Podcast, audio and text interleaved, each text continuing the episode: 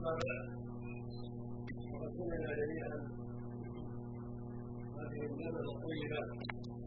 فيما يتعلق باليتيم والمسكين وعنايه الاسلام بهما والامر بالاحسان اليهما وتولى هذه الندوه اصحاب الفضيله الشيخ احمد بن الكريم الشيخ صالح بن الناصر. الغزالي الحميد الدين وتجادوا واغادوا واوضحوا ما ينبغي ايضاحه في هذا المقام فجزاهم الله خيرا وبارك فيهم واعلن لهم المثوبه وزادنا واياكم واياهم علما وهدى وتوفيقا ولا ريب ان اليتيم والمسكين من حق الناس بالرعايه والعنايه وقد ذكر رب عز وجل في كتابه العظيم الحج على الاحسان اليهما ورحمتهما ومواساتهم ما سمعت. قد يكون بالمؤمن قد يكون بالمؤمنة الإحسان إلى من بدا فلديه شيء منهم منهما وفي العموم من كان المسلمين وفقراء المسلمين. فإن الصدقة في هؤلاء في محلها من الزكاة وغيرها. وأراكم ما جاء في الحديث الصحيح عليه الصلاة والسلام أنه قال أنا وكان اليتيم الجنة بهاتين يقول هذا الأسماء هذا يدل على عظم كان اليتيم والإحسان إليه كذلك قال عليه الصلاه والسلام في الحديث الصحيح الساعي على الارمله والمسكين المجاهد في سبيل الله أو قال كالصائم لا يفطر والقائم لا يفطر هذا فضل عظيم والله جل وعلا واجب حقا والمسكين ومن السبيل ولا عز وجل واعبدوا الله ولا تشركوا به شيئا ولا الاحسان أو به القربى واليتامى والمساكين الآية في آيات كثيرات ونقص سبحانه على الإحسان إلى الأيتام والمساكين اليتيم هو الذي فقد أباه وهو صغير من هو الحلم وقاله يتيم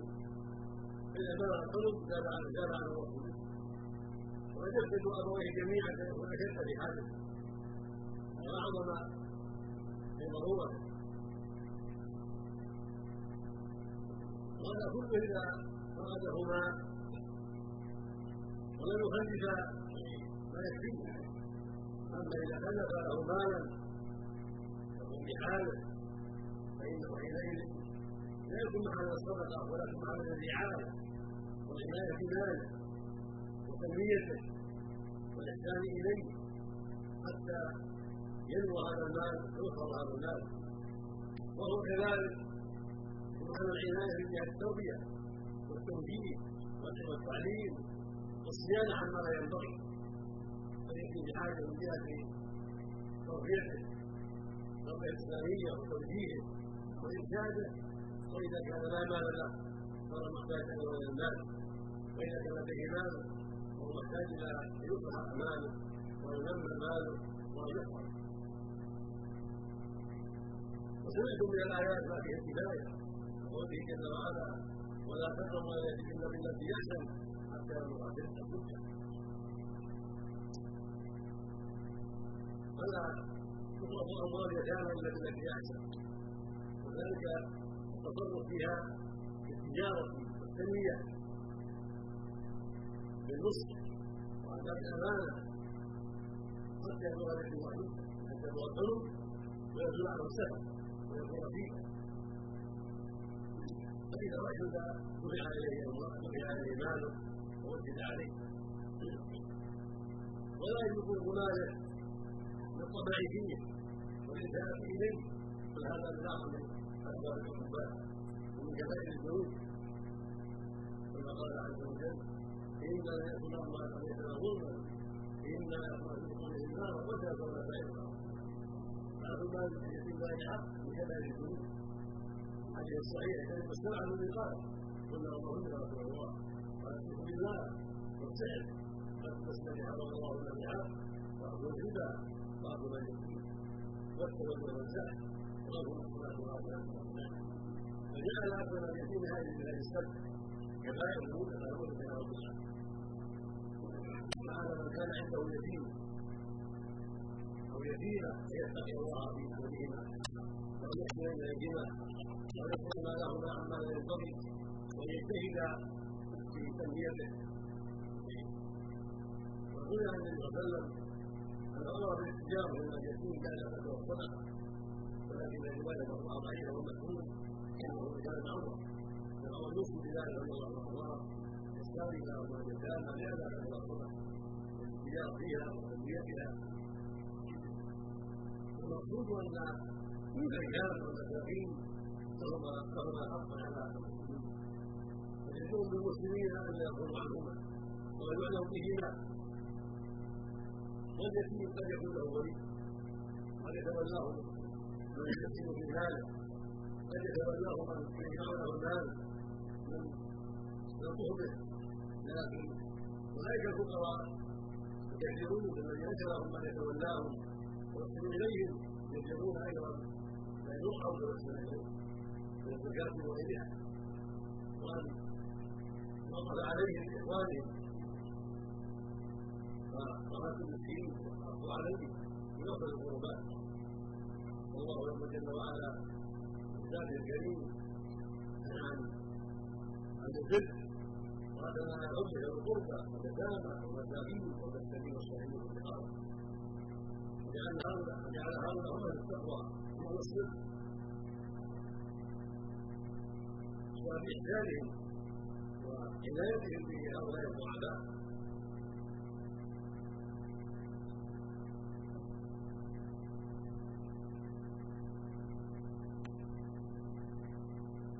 ثم الاحسان اليهم يزيد صاحبه يزيد صاحبه خيرا. ويزيده فضلا. والله جل وعلا يخلف عليه. مع الاجر العظيم كما قال عز وجل وما انفقتم من شيء ويخلف وكان الله يقول النبي صلى الله عز وجل أنه قال سبحانه يا ابن آدم أنت ينفق عليك وصحابة رسول الله عليه الصلاة والسلام قال ما من يوم يكره به الناس الا من الله في ملكين احدهما يقول اللهم اعظم بأمانة والثاني يقول اللهم اعظم بأمانة فينفق على المساكين ورحمتهم واللطف بهم ومواساتهم بعمل القربان وعمل الطاعات والمسلم مفعول باجر عظيم. مع الخلف مع خلف ما انفق وما تقدموا في انفسكم خير تجدوه عند الله خير الله مع ما قال سبحانه وما انفقتم من شيء ويصلحوا وخير الله ثم ان الصدقه يتقبلها الرب يمين شر الواحد يتقبلها بيمين جل وعلا ويربيها وصاحبها ويربيها بقلبه ورحيمه حتى تكون وجبه فكان كسر القلب ولا يامر الله بالخير سبحانه وتعالى بقوله عز وجل. ويسألك عن اليتامى ويفتح له الخير من يده وجاء اليتامى ما هو وأن المقصود يفتح له وعمل ما فيه خيرنا ولي اليتيم يضم إلى الأمر من جهه الله عز وجل. ويعمل له الاصلح كما يعلم في أمر نفسه. ويجتهد نفسه إلى الاصلح فإن اليتيم وضع على الناس حتى يكون بريئا فأدى الأمانة وأخرج على الحقوق والحديث الصحيح من لا يرحم الناس وإذا رأى الراحمون قاموا الرحمن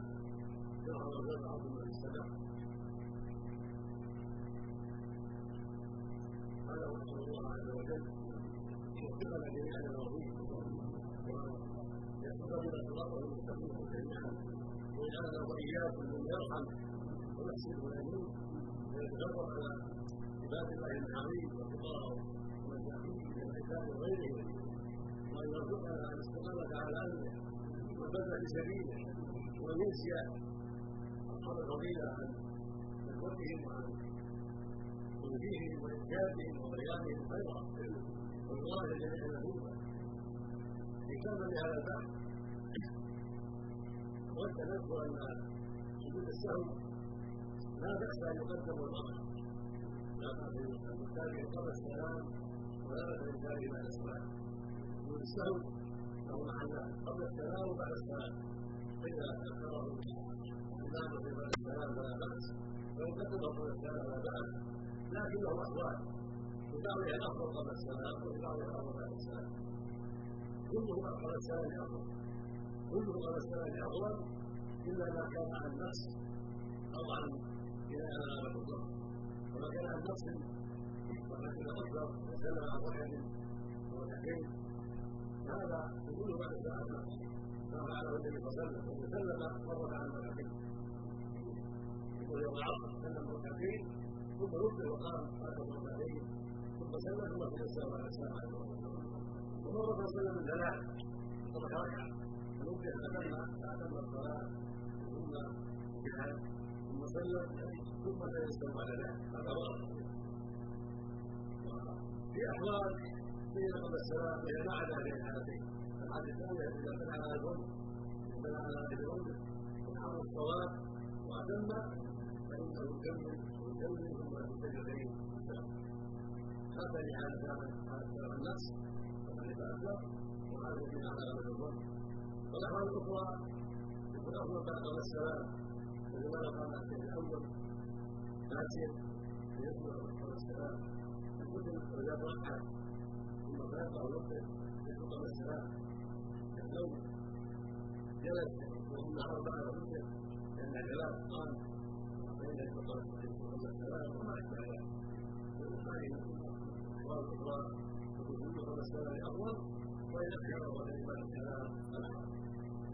كان